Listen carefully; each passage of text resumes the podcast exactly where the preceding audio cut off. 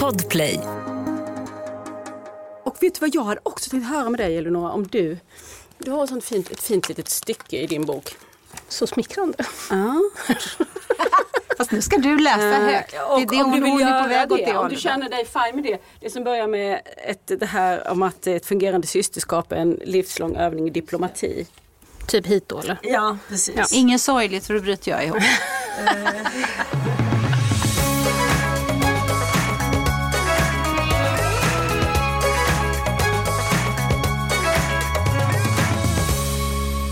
Hej och hallå! Samtal om böcker är tillbaka och jag som heter Lisa Tallroth.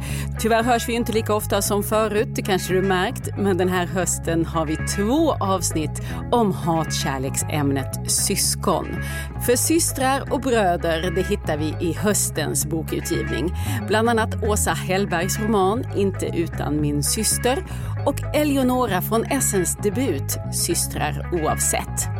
Bröder blir det nästa gång, för det är om dessa systerskapsromaner vi ska prata idag. Sen blir det fler boktips med Johanna Stenius.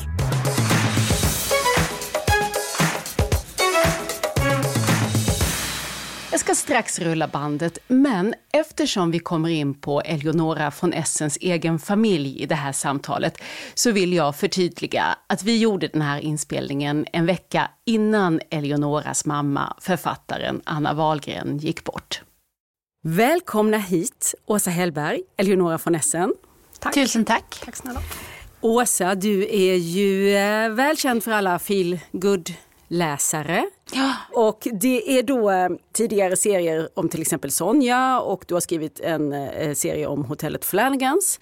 Men nu är det någonting helt nytt som väl också ska bli fler delar, Systrarna från Fjällbacka. ja, tre är tanken. Och Eleonora, du är ju ingen eh, rookie sådär, eh, men det är första gången du är med i romansammanhang. Annars så har du varit kokboksförfattare och matskribent. Precis, fem kokböcker har jag sedan tidigare.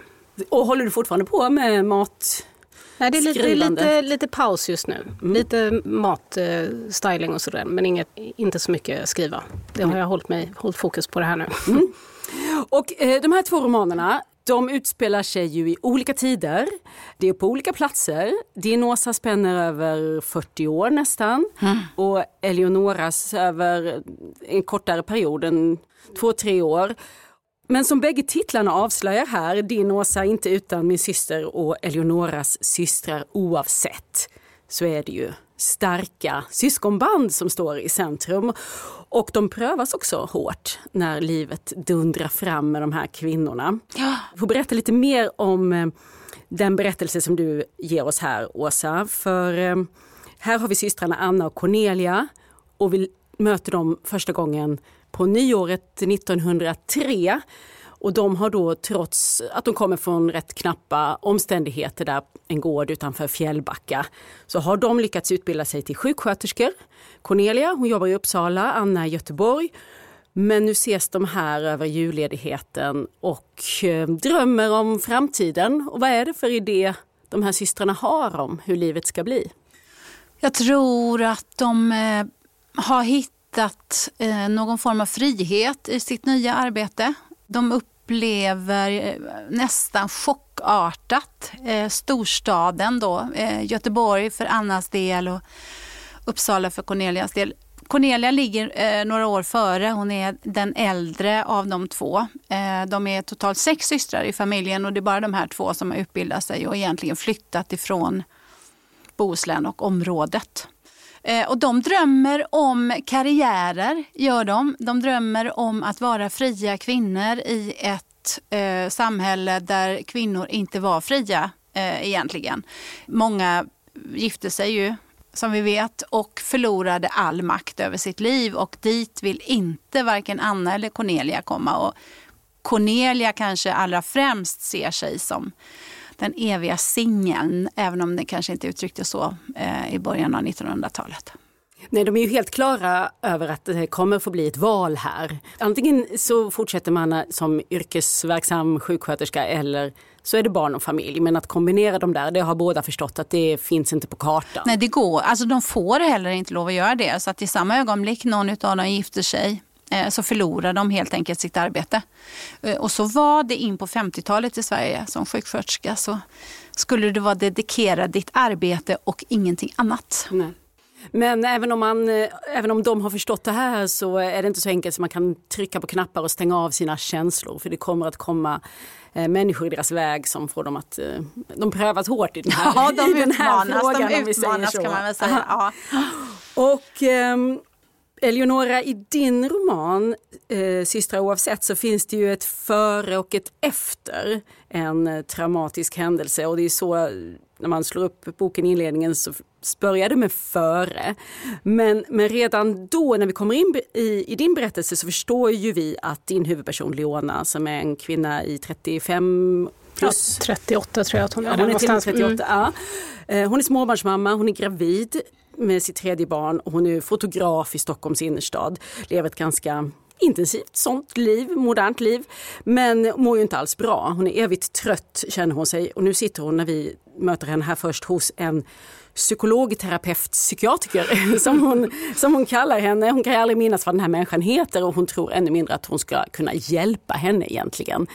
Så viktiga personer för henne att hålla i handen är hennes systrar. Och hur ser den syskonskaran ut? Berätta.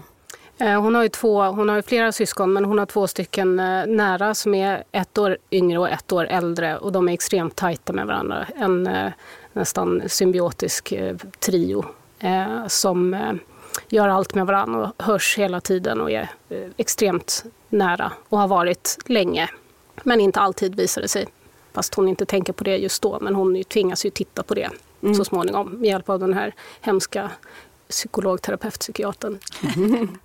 Så det är stora syster Tintin och så är det Leona, huvudpersonen som är mellanbarnet och sen har vi lilla syster Mini. Det är ju lätt att komma ihåg var hon hamnar. Men sen finns det ju, sen kommer ju de från en, eh, ska vi kalla det stjärnfamilj med flera olika syskonkullar.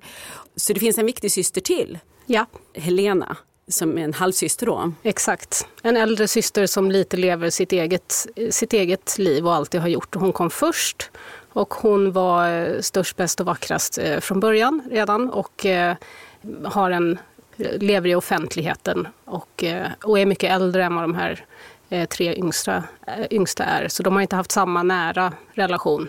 Men den relationen mellan, mellan henne och Leona växer ju under bokens gång. Och hur kom det sig att du ville ge dig på det här temat?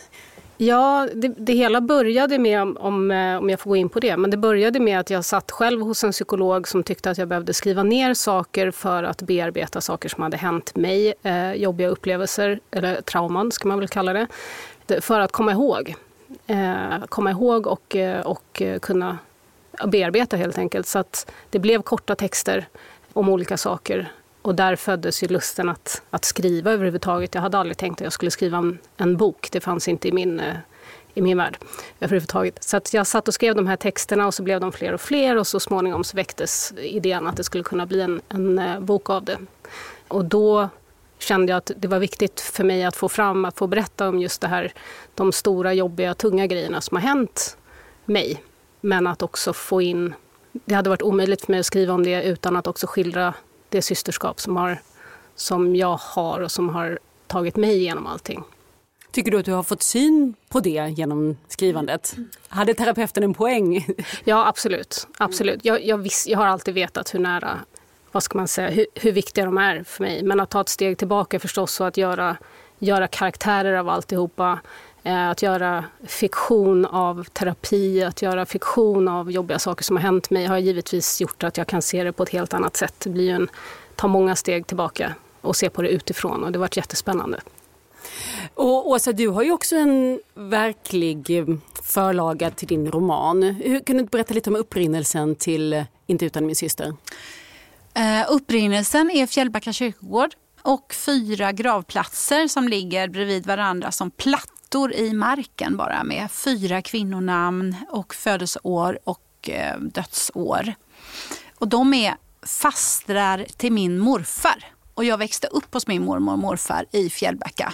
Och varje gång när jag kommer hem så går jag ut till, till Fjällbacka och hälsar på dem. Såklart. Hej morfar, hej mormor säger jag. Och så går jag runt där, ibland med mamma, ibland ensam. Eh, och den, den här gången var mamma med och vi gick förbi och hittade morfars fastrar. Och den yngsta av dem, Rut, hon dog 1974. Så henne har jag träffat, henne kommer jag ihåg. Men de andra tre dog innan jag föddes då. Eh, så fyra systrar ligger där, alla ogifta och alla utan barn. Och tre av dem åkte till Amerika och kom hem med kistor. Och det är klart att där, där fanns någonting liksom i den där. Var, varför gifte de sig inte? Och varför? Och de hade arbeten allihop och liksom försörjde sig och var utbildade. Och någon var kiropraktor och någon var lärare. Och, och sen lite längre bort så låg eh, och ligger mammas farmor Anna. Och det är henne vi träffar i första boken. Och jag gick eh, och funderade på det där en stund och så tog jag det till min förläggare och så sa jag så här, vet du vad, jag skulle vilja testskriva tv-manus. Det tycker jag skulle vara kul. Lära mig någonting nytt. Och baserat på de här gamla släktingarna i Fjällbacka. Och då sa Therese att det kan du göra så någon gång. Men först vill jag ha en, en roman, romaner om, om de där släktingarna. För det låter ju oerhört spännande. så. Så då har jag bestämt mig för att det blir eh, tre böcker om de sex syskonen Hellberg. Och i den första boken så träffar vi Erik då, som Anna gifter sig med, det första syskonet. I andra boken träffar vi de fyra systrarna som ligger på Fjällbackas begravningsplats. Och i den tredje boken träffar vi den sjätte, det sjätte syskonet Thomas. Ehm, det var inte så att jag direkt gick hem och började tänka wow, nu ska jag skriva historiskt. Utan det tog en stund, för jag har ju skrivit om prilliga damer i 50-årsåldern liksom, tidigare. Så att det här steget är ju rätt stort för mig ändå. Och det är, nu i första boken här så är det ju Anna eh, som du nämnde och Cornelia. Hon hette visst något annat i, i verkligheten. Ja, hon hette Alma men man kan ju inte ha en Anna och en Alma i en bok. Då hade ju läsarna blivit galna. Och vi får ju följa dem för deras, genom livet, den ena kommer ju att fortsätta med sitt yrkesliv medan den andra ändå väljer äktenskapet. Och så, så det, mycket av deras liv utspelar sig ju egentligen när de är ifrån varandra. Men ja, åter, återkommande ja. så möts de igen. Men eftersom det då fanns, jag bara tänkte, det fanns de verkliga systrarna här. Har du haft några ingångar till det? Har det funnits något material för dig att att luska i för eller har du helt uppfunnit deras relation? Ja, jag skulle säga att deras relation har jag nog uppfunnit. Men jag har ju sett bilder på de två tillsammans där jag ser att det finns en relation. Det blir ju rätt så tydligt på bilder. Och sen att de valde, båda två valde samma yrke. Och de är också yngst i, i familjeskaran. De andra fyra är gifta och har barn och sådär. Och de här två valde ju bort det från början i alla fall. Så tänker jag att de måste ha haft en nära relation. Men sen är det så också att om Anna berättas bara en enda historia och det är den tragedin då som, som eh, vi får vara med om i, i boken. Det berättas bara den historien och den stackars Anna. Och jag tänkte när jag började researcha att det finns ju mycket mer här. Hon är, det här är en bred kvinna i sina upplevelser och erfarenheter. Hon är inte bara Anna. Och sen upplevde jag också att om Cornelia fanns det tusen historier. Jag skulle kunna skriva tre böcker bara om Cornelia och allt det material som faktiskt finns om henne. Alla visste vem moster Alma var i, i, i, släkten. Alla, oavsett i vilken generation man var, så kallar man henne för moster Alma. Alla, alla kände till hennes upptåg och hennes liksom, att hon sprang naken runt i sin trädgård och sådär. Det, det visste alla.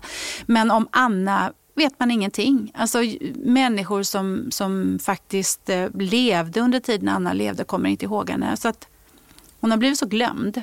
Och jag själv är eh, rätt lik Alma till, till mitt sätt att vara och sådär. Men medan Anna har jag mer fått utforska. Inte minst genom mamma då som eh, är den som har störst minnen av sin farmor naturligtvis och som har den här bilden av henne. Och, eh, jag har läst brev och jag känner till hennes historia så att eh, jag har nog haft fokus på att få fram Anna.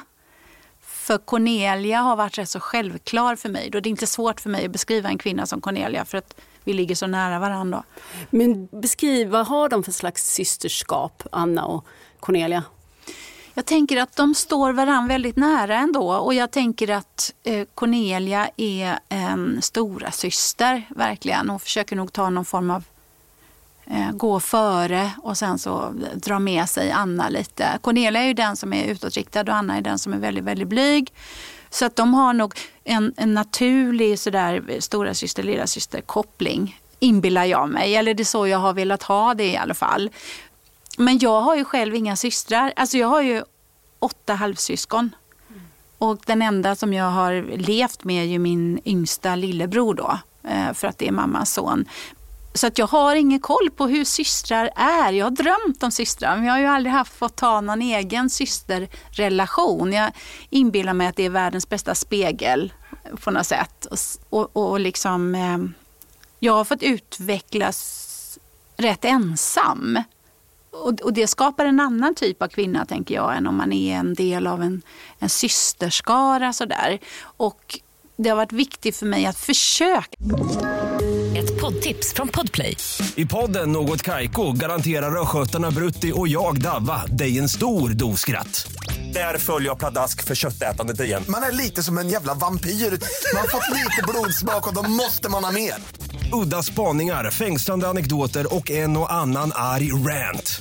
Jag måste ha mitt kaffe på morgonen för annars är jag ingen trevlig människa. Då är du ingen trevlig människa, punkt. Något Kaiko, hör du på Podplay. Därför är gardinerna. I alla fall förstå hur systrar kan fungera tillsammans. Mm. Eh, och jag har ju många nära, nära vänner så att ja, jag har väl utgått lite från det då, för jag har ingen egen erfarenhet av det.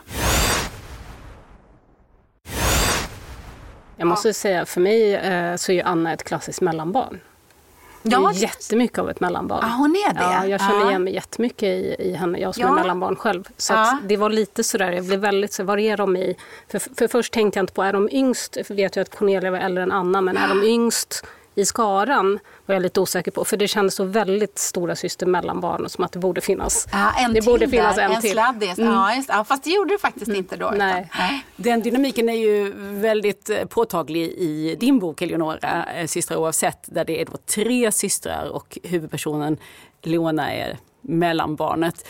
Hur har det kommit sig att dina tre systrar har en sån otroligt stark och nära symbiotisk relation nästan? Ja, de har ju inte alltid haft det som sagt då, utan de växte upp väldigt, eh, eller mellanbarnet Leona växte upp ganska separat från de andra två. Och det har ju varit jättespännande att titta på det såklart, eh, hur man kan ja, men, utveckla de här rollerna. För det är ett klassiskt yngsta barn, eh, jättepoppis, jätteutåtriktad, superskärmig som alla älskar eh, från start. Eh, och sen eh, den äldre systern som är eh, auktoritär och liksom tar för sig och, eh, och vet allt eh, hela tiden och kan, kan säga till alla vad de ska göra och sådär. Så att rent klassiskt så har ju de typerna lättare för att, att ta för sig i skolan till exempel. Och så står mellanbarnet där och vet kanske inte riktigt vad, vad den eh, ska göra. Och sen så går de ju genom större delen av sin barndom på det här viset med där de, de, den yngsta och den äldsta är närmare varandra och så mellanbarnen står lite vid sidan av men sen råkar de ju ut för saker som för dem närmare varandra. De förlorar sin pappa till exempel. De förlorar sin pappa, ja. När de är tonåringar. Mm. Ja.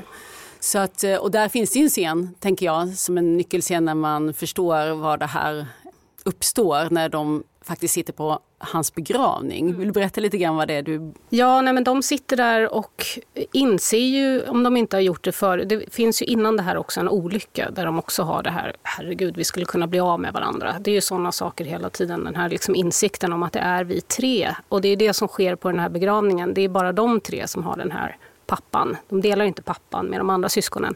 Så de sitter där och håller varandra i handen på ett sätt som bara de kan göra. Eh, och väldigt, väldigt ensamma men tillsammans i det. Och eh, sitter och flamsar och börjar liksom eh, agera på det sätt som, som bara de har.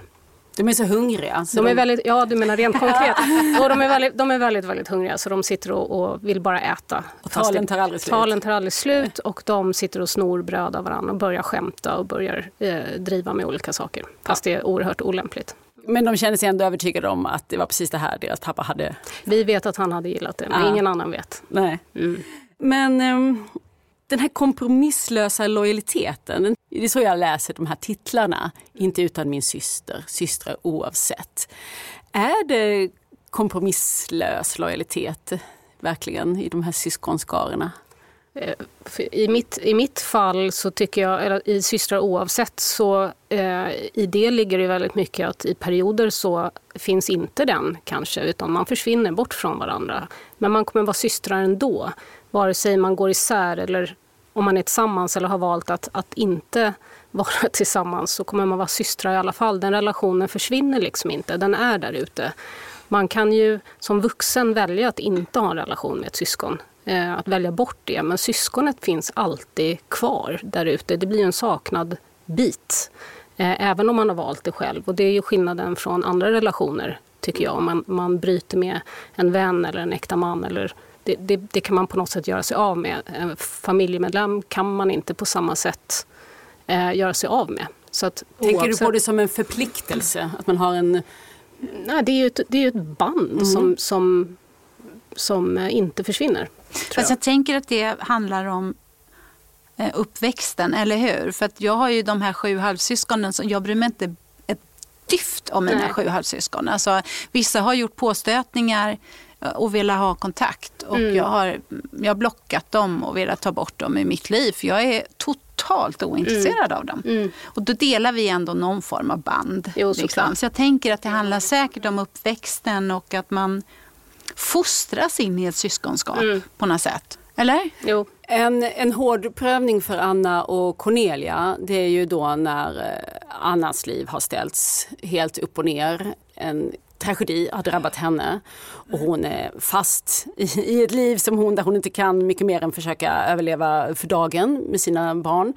Och då blir hon ju fruktansvärt arg på Cornelia som dyker upp, kommer in från sitt liv som jobbar som sjuksköterska mm och kör mer eller mindre iväg henne. Säger att åk du hem, åk du till Göteborg, vi behöver inte dig här. Nej, jag tror att det handlar om många saker. Jag tror att det handlar om en, en slags stolthet, hon vill klara sig själv. Ehm, men det handlar också kanske om en avundsjuka för att eh, jag tror att Cornelia blir ju sinnebilden för det Anna har gått miste om på något sätt. Och att det kan göra ont och att hon kan inte ha det så rakt framför ögonen för att det, det, är, det blir för förtvivlat på något sätt. Hon bondar ju med en annan kvinna som lite lever i samma situation. Jag tror att det är lättare för henne eh, än att ha Cornelia nära just då. Att deras relation får liksom lite vila. Eh, det tror jag är jättesvårt för Cornelia som ju vill hjälpa till men som står utanför på något sätt och bankar på dörren och, och tillåts inte komma in i den där bubblan som Anna har skapat runt sig och sitt liv. Ja, de står, de står uh, nära varandra så länge deras liv levs parallellt men sen blir det svårare mm. för dem. Ändå är det, tänker jag, det som du pratar om som du har en verklig erfarenhet av då, att det är det där bandet, det går aldrig att ta bort. Alltså, det går aldrig att ta bort och jag tror att innerst inne litar Anna på Cornelia men hon hon står bara inte ut just nu. Hon måste få vara nere i sin skit och rota runt. Liksom. Men Leona, i din bok Eleonora, hon är också inne på det när eh, i ett läge där att det kanske är systrarna nästan som är problemet i mitt liv. Alltså att det är de, eh, istället för att vara styrkan att, och väggen att luta sig mot, så är det kanske de som gör att jag mår så här dåligt. Ja, eh. absolut. Och i, också även i en smärtsam upplevelse att det blir någonstans hur mycket de än vill hjälpa till så är de ju kan aldrig komma in i det allra, i det allra mörkaste och då kan det nästan bli så att eh, hon hellre vill, att, vill vara i fred och vill att de ska eh, backa för de kan ju inte förstå det här till 100 procent. Eh, det kan ju ingen. Och det, är ju, det jag kände verkligen igen den, den biten.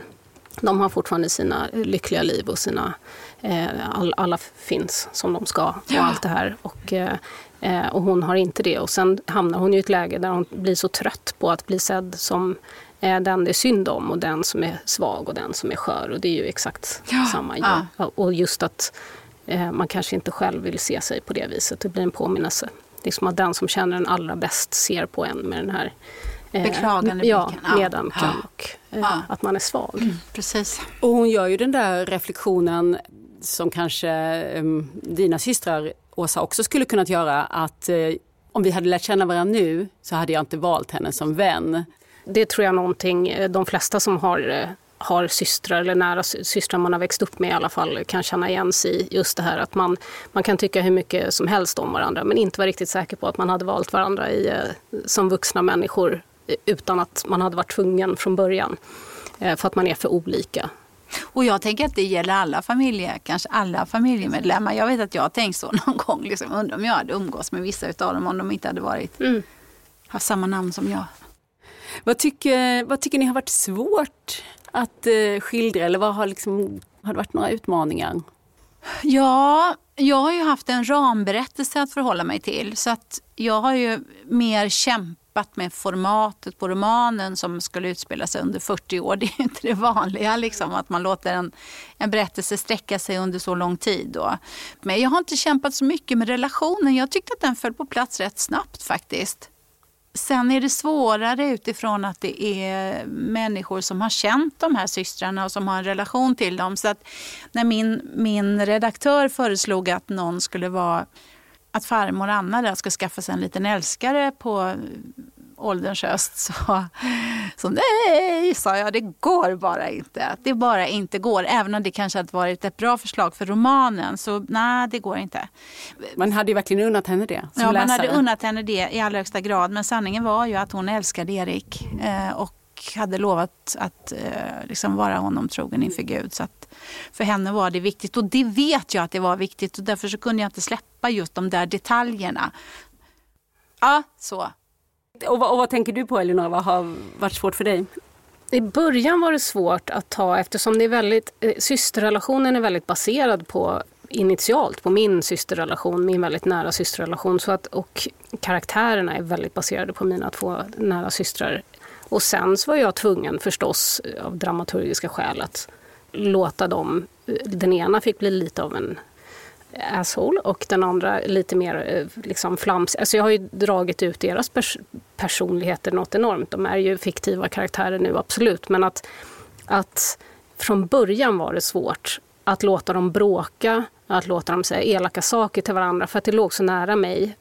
Så att, att få de här att balla ur lite gentemot varandra var ganska klurigt först. Sen blev det ju väldigt, väldigt roligt när man väl hade släppt taget. Men det var, det var lite, lite jobbigt i början och lite sådär att jag var tvungen att ha dem med mig i att är det okej okay att för de känner ju igen sig i, i de här karaktärerna. Men är det okej okay att, eh, att vi eh, ja, vi går lite längre här om man säger så. Och de har varit med hela vägen och fått läsa allting. Jag tycker det är jätteroligt att ha suttit där och sådär. inte det här lite tråkigt? Låt, låt henne säga något taskigare nu och kom, ta, dra det här lite längre. Sådär. Så de har ju varit med mig hela vägen. Men det var, det var inte lätt i början. Eh, Scenen på restaurangen när de eh, brakar ihop, det blir ju ett stort bråk mm. som sen kommer att plåga de alla tre tror jag, men det är ju Leona vi följer. Vad är det egentligen de blir osams om? De blir osams om från början. ja, en av dem ska banta, det är väl så det börjar, och bara äta kött. Otroligt fånig grej. Så hon ska bara äta kött. Och hon är vegan eh, för säkerhets skull. Så hon ska gå från att vara vegan till bara äta kött. Och så blir det en sån här eh, löjlig... Eh, de skrattar åt henne. Och hon blir sur och så går hon iväg. Eh, Oh, Gud, nu står det helt Jag tänker att bråket i sig är ju då så himla löjligt egentligen. Exakt. Men, men det slutar ju med att alla börjar anklaga varandra och trycka på de där svaga ja. punkterna du som ska man alltid vet. Vara, du ska alltid ja, vara så här, du är alltid så bossig och du är alltid så mesig och det kommer liksom, du tar inte tag i ditt liv. Så det, det blir ju större och större. Just det här, du ska alltid och du är sån här. Och så kommer det fram de här sanningarna eh, som man så lätt slänger ur sig eh, i ett sånt läge. Mm du, har, du har varit inne på det att du, du har jobbat med dina egna erfarenheter och din egen familj. Men du kommer ju också från en ganska känd familj som har redan fått en hel del uppmärksamhet. Eh, din mamma är Anna Wahlgren. Hur har du tänkt kring det? Ja, alltså jag, som sagt det här är ju en, en eh, fiktiv roman. Det som har med livet att göra är framförallt vissa eh, traumatiska saker som har hänt mig och som inte har med eh, min resterande familj att göra. Så att jag tror inte att det karaktärerna runt eh, huvudpersonen är ju fiktiva så jag tror inte att det förhoppningsvis ska bli någon stor grej av det. Ett poddtips från Podplay. I fallen jag aldrig glömmer djupdyker Hasse Aro i arbetet bakom några av Sveriges mest uppseendeväckande brottsutredningar går vi in med hemlig telefonavlyssning och, och då upplever vi att vi får en total förändring av hans beteende. Vad är det som händer nu? Vem är det som läcker? Och så säger han att jag är kriminell, jag har varit kriminell i hela mitt liv men att mörda ett barn, där går min gräns. Nya säsongen av Fallen jag aldrig glömmer på Podplay. Era böcker utspelar ju sig i då med hundra år, lite drygt eh, skillnad. För hos dig Eleonora är vi ju i en slags samtid, även om några år tillbaka är det väl om det nämns något årtal, gör det kanske. Men det känns som här och nu mm. i Stockholm, ja, absolut. modernt liv. De har ju till och med en gruppchatt. Mm. Det hade varit kul att se hur deras gruppchatt hade sett ut, Anna och Cornelias. För där är vi ju då vi börjar vid sekelskiftet och så går det fram till 40-talet. 39. 39, ja. precis. Vad, ja, det hade man ju om, undrat. Ja, om vi skulle, ja. om man, om man, kan man leka med tanken om de här systrarna skulle liksom byta plats med varandra? Tror du, hur tror du de hade gjort sig idag, Anna och ja, men jag, jag, ja, jag tror att det finns en tidlöshet. Man hade kunnat satt dem i någon form av nutid och jag tänker att de hade haft ungefär eh, relationer som du beskriver då, systrar emellan.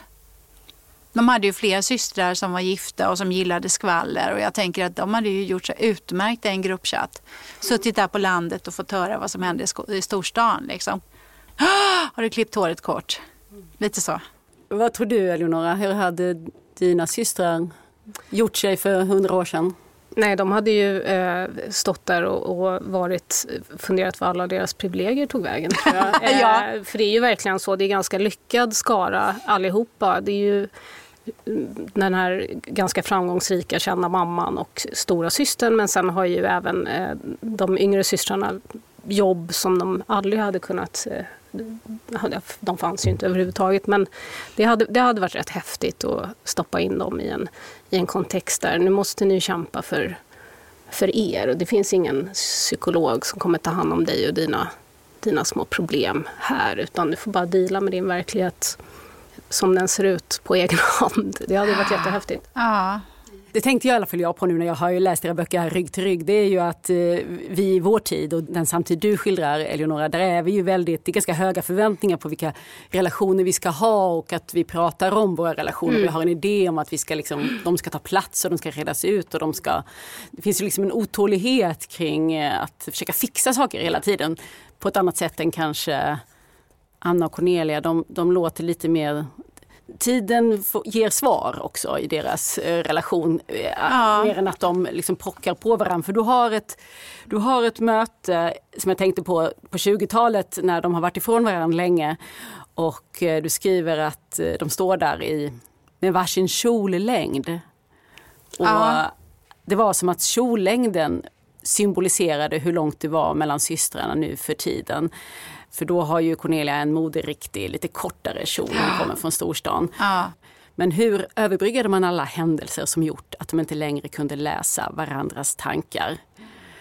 De sätter sig ju inte riktigt och pratar ut om det där, men hur liksom hittar de tillbaka ändå till varandra? Jag tänker att man pratade inte ut på den tiden. Jag vet inte, jag bara har en sån känsla av att eh, jag skriver också någonstans vet jag att, att, liksom att det är en, en ynnest som rika människor har att, att eh, fundera på hur de mår. Alltså, Anna överlevde dagen. Eh, så var det ju för hennes del. Cornelia kunde väl mer gå runt i funderingar kanske på hur livet tedde sig. Men för Annas del så handlade det ju bara om att kämpa på framåt. Liksom. Det fanns ju inga andra alternativ. Och jag tänker att de möts när Cornelia tar ju ett beslut om, om att, att delvis flytta hem. Och jag tror att det blir en lättnad hos Anna för först när Cornelia flyttar hem kan hon känna igen sin syster. Och jag tror att, att det var så för Cornelia också kanske att hon... Alltså jag har ju skaffat en liten lägenhet i Fjällbacka. Jag fyllde 60 i våras. Och eh, just i den vevan skaffade jag en liten lägenhet i Fjällbacka för jag längtar lite hem. Och jag, så där är ju inte, återigen då, så jag och Cornelia singlar för evigt och med lite hemlängtan. Jag förstår ju henne där. Även om jag skrev just det där stycket långt innan då så det finns någonting där som gör också att man, man kommer i kontakt med sin jord och sitt ursprung och blir eh, eh, mer avskalad, tänker jag. Och att Cornelia behöver bli lite mer avskalad för att möta Anna. Eh, och det blir hon ju. Ja, det är ju eh, speciellt då att få följa dem under så lång tid som 40 år. Någon gång kanske du kan zooma ut och skriva det långa perspektivet om dina systrar också. Ja, de, de tittar ju mycket bakåt också. Mm. Eh, och jag, tycker, jag hoppas ju lite kunna, kunna förmedla också en känsla av att det här att, att framåt, det kommer fortsätta hända jobbiga, jobbiga saker. Och de kommer hitta tillbaka, de kommer finnas med där fram och tillbaka hela, hela vägen. Det är det, jag vill ju gärna att man ska se, se framåt eh, också i det här. Men jag tänker också att bråken de har är ju också ett bevis på deras närhet. För att de vågar bråka och de, de, de, vågar gå isär och sen tillbaka. Och de vågar ta första steget och vara den som förmjukar sig och säger ja men snälla kom igen nu liksom. Jo men det är också att en försök, att Leona försöker ju någonstans tänka sig att hon ska bryta sig loss ur det här. Hon får känna på det och hon, hon kan inte. För det, det blir en, en, en, hon är ju inte komplett längre, så i längden funkar inte det. Och det är ju det jag har tagit med mig från, från mig själv och min relation. Jag har inte försökt bryta mig loss ska sägas på samma sätt alls, men eh, jag har ingen som helst lust med det. Men just att eh, skulle jag försöka så skulle inte det gå. Det är, och det är ju häftigt att lyssna på någon som har den där tajta systerrelationen som Mm. Ja, jag tycker det är jättehäftigt. Alltså jag, vill ju, jag, har inga tatu jag såg en tatuering på dina. Jag har inga tatueringar men jag ska tatuera in fri här nere på min handled. För det, det finns ingenting som är större för mig än frihet. Och då tänker jag, hur blir man fri då? Om man sitter ihop med sina syskon. Går det att hitta frihet i det? Eller liksom, förstår du vad jag menar? Ja, absolut. Och det är, en, det är en superintressant fråga för att jag kan inte svara riktigt ja på den. På ett sätt är det ett frihet, frihet i att alltid veta att du är aldrig ensam. Och därmed så har man ju en annan jag har till exempel aldrig känt ett behov av att binda mig för starkt till andra människor. Utöver syskonen? Nej, det är, nej. det är någonting jag redan har. Ja. Det, så det, det beror lite på hur man ser det. Men, men nej, mina mina konturer är ju liksom inte riktigt så skarpa. De sitter ihop med de andra två så det, det är lite svårt att... Men jag känner mig samtidigt starkare och har mer möjligheter än jag tror att många gör som, som kanske upplever att jag är ensam tillsammans med massor av människor. Men jag upplever att vi är tre tillsammans med massor av andra ja, människor. Ja, det, det, är så intressant. Men jag har förstått att det är kanske inte det vanligaste hos eh, alla syskon. Men det är först i vuxen ålder som jag har fattat det. Ja. Vi har ju flera gånger bott så att vi har gångavstånd till varandra liksom, inom fem minuter. Jag gillar inte att de flyttar på sig till en annan stadsdel. Det är obehagligt.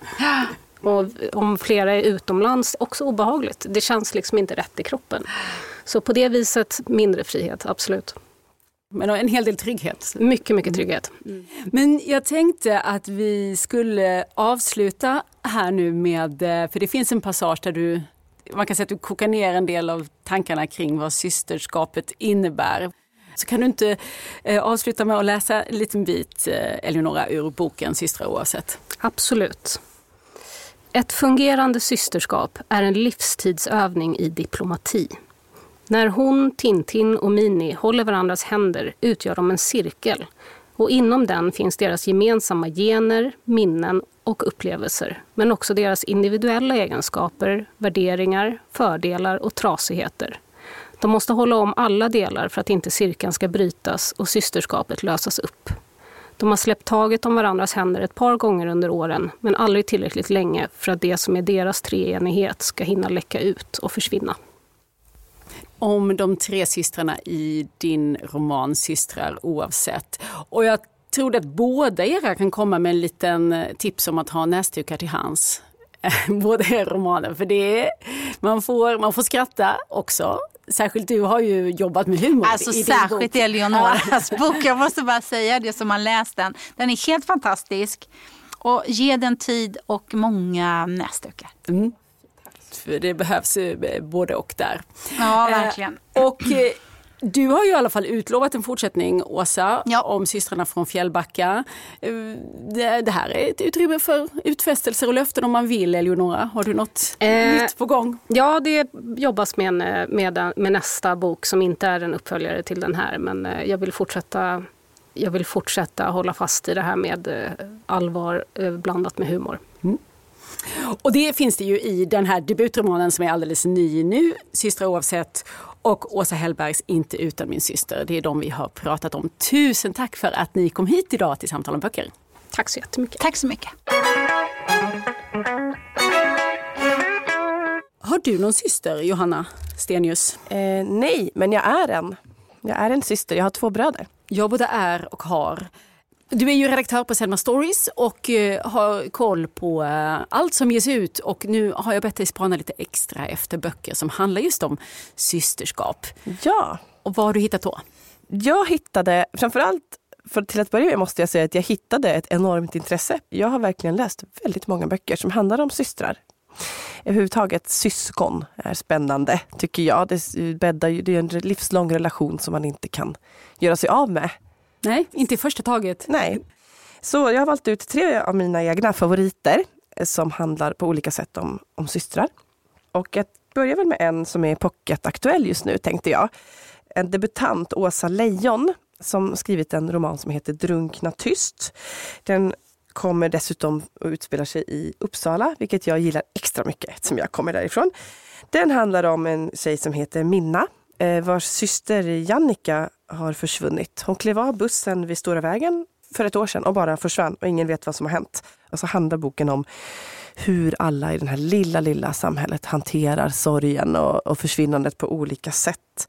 Och eh, det finns jättemånga dolda hemligheter under ytan som kopplar till det här eh, försvinnandet. Och det finns misstänksamhet och tystnadskultur. Och den här boken, när jag läste den blev jag helt golvad när den var, precis hade kommit ut. Det är helt omöjligt att förstå att det är en debutant tycker jag. Hon har ett fantastiskt språk och stämningen är så suggestiv och mörk. Det är framför allt stämningen och karaktärerna och miljön som, som är det som gör att man absolut inte kan sluta läsa. Och så hennes språk. I Åsa Lejons Drunkna tyst, som finns om pocket. Gå vidare och tipsar om en annan bok som har något år på nacken. Som en bok som jag också tyckte väldigt mycket om själv. Den heter Vi röstar om vi saknar mamma och är skriven av Nina Pascual. Och det är också en debutroman som jag också blev något som är golvad av alla debutromaner, men jag har ju valt dem som mina favoriter. Mm. Den är också helt otroligt bra. Den handlar om tre eh, syskon, systrar ska jag väl säga, som åker på eh, chartersemester med sin mamma. I centrum står eh, mittensystern som heter Cornelia och är 12 år. Så boken är helt skriven ur hennes perspektiv kan man väl säga.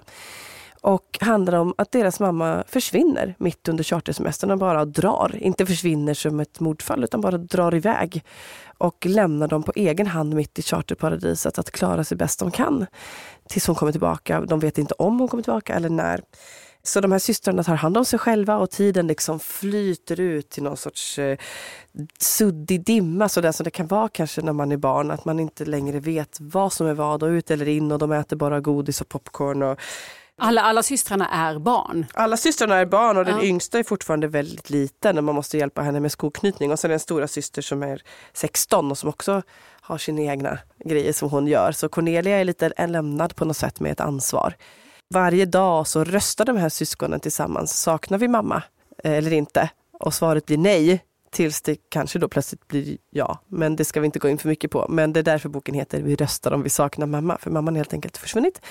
Den är väldigt egensinnig boken och hon är otroligt eh, bra på att kliva ner i tolvåringens perspektiv tycker jag. Med både humor och allvar. Inte en väldigt mörk bok egentligen. Alltså inte som att man fruktansvärda sveket från mamman utan den fokuserar verkligen på syskonens upplevelse av att bli lämnade kvar. Och är väldigt, väldigt bra tycker jag. I Nina Pascuals Vi röstar om vi saknar mamma. Min tredje bok är en helt nyutkommen bok. Det är Ulrika Everman hon skrev förra året en väldigt hyllad debut som hette Monica Magnus 1966, som jag också tyckte var fantastisk. Nu kommer uppföljaren. Den heter Ormens år. Det är inte en uppföljare, den handlar om något helt annat. Hennes bok nummer två. Ormens år. I centrum av Ormens år står ett ensambarn, Judith, som har levt ett väldigt kringflackande liv med sin familj. Tills de till slut blir kvar på en plats där hon blir nära vän med ett tvillingpar som heter Walter och Vera. Framförallt hon och brodern, men systern Vera har en sorts dominans över hela, alla relationerna i boken på ett sätt som till slut gör att all deras kontakt plötsligt bryts och Judith måste fly från orten. Och sen handlar boken om hur hon kommer tillbaka många år senare och tvingas konfronteras med vad som egentligen hände. Och eh, utan att berätta för mycket så är det väldigt tydligt hur relationer, även de perifera relationerna i ens egen relation, alltså hennes närmsta väns syster, kan påverka allt som sker och hur starkt det bandet mellan tvillingar kan vara. Så jag tycker att den här boken har också ett slut som jag väldigt gärna skulle vilja diskutera och tolka. Så därför nämner jag det också här att det är en perfekt bokcirkelbok. Ormens år av Ulrika Everman. Bra tips där och eh, sen vet jag att ni har förberett en hel lista, en ännu längre lista på böcker som just eh, hanterar syskon och systerskap och ja. men även alla former av syskonrelationer. Den hittar man på sajten. På semmastories.se finns en lista på temat systrar. Det finns på temat eh, bröder också. Tusen tack Johanna Stenius. Ja, och nästa vecka ska vi ägna oss åt bröderna här i Samtal om böcker. Bröderna Kjell och Mårten Westö, båda författare som nu har skrivit en bok tillsammans som heter Åren och skildrar episoder ur deras uppväxt. Den kommer ligga på bordet nästa gång vi hörs här i Samtal om böcker. Följ oss gärna i sociala medier, där heter vi Selma Stories. Och jag heter Lisa Tallroth. Hej då! Du har lyssnat på Samtal om böcker, en podd från Selma Stories.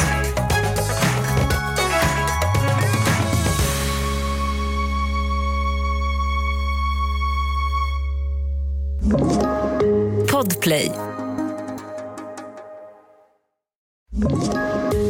Poddtips från Podplay. I podden Något Kaiko garanterar östgötarna Brutti och jag, Davva, dig en stor dos skratt. Där följer jag pladask för köttätandet igen. Man är lite som en jävla vampyr. Man har fått lite blodsmak och då måste man ha mer. Udda spaningar, fängslande anekdoter och en och annan arg rant. Jag måste ha mitt kaffe på morgonen för annars är jag ingen trevlig människa. Då är du ingen trevlig människa, punkt. Något kajko, hör du på podplay. Därför är gardinerna.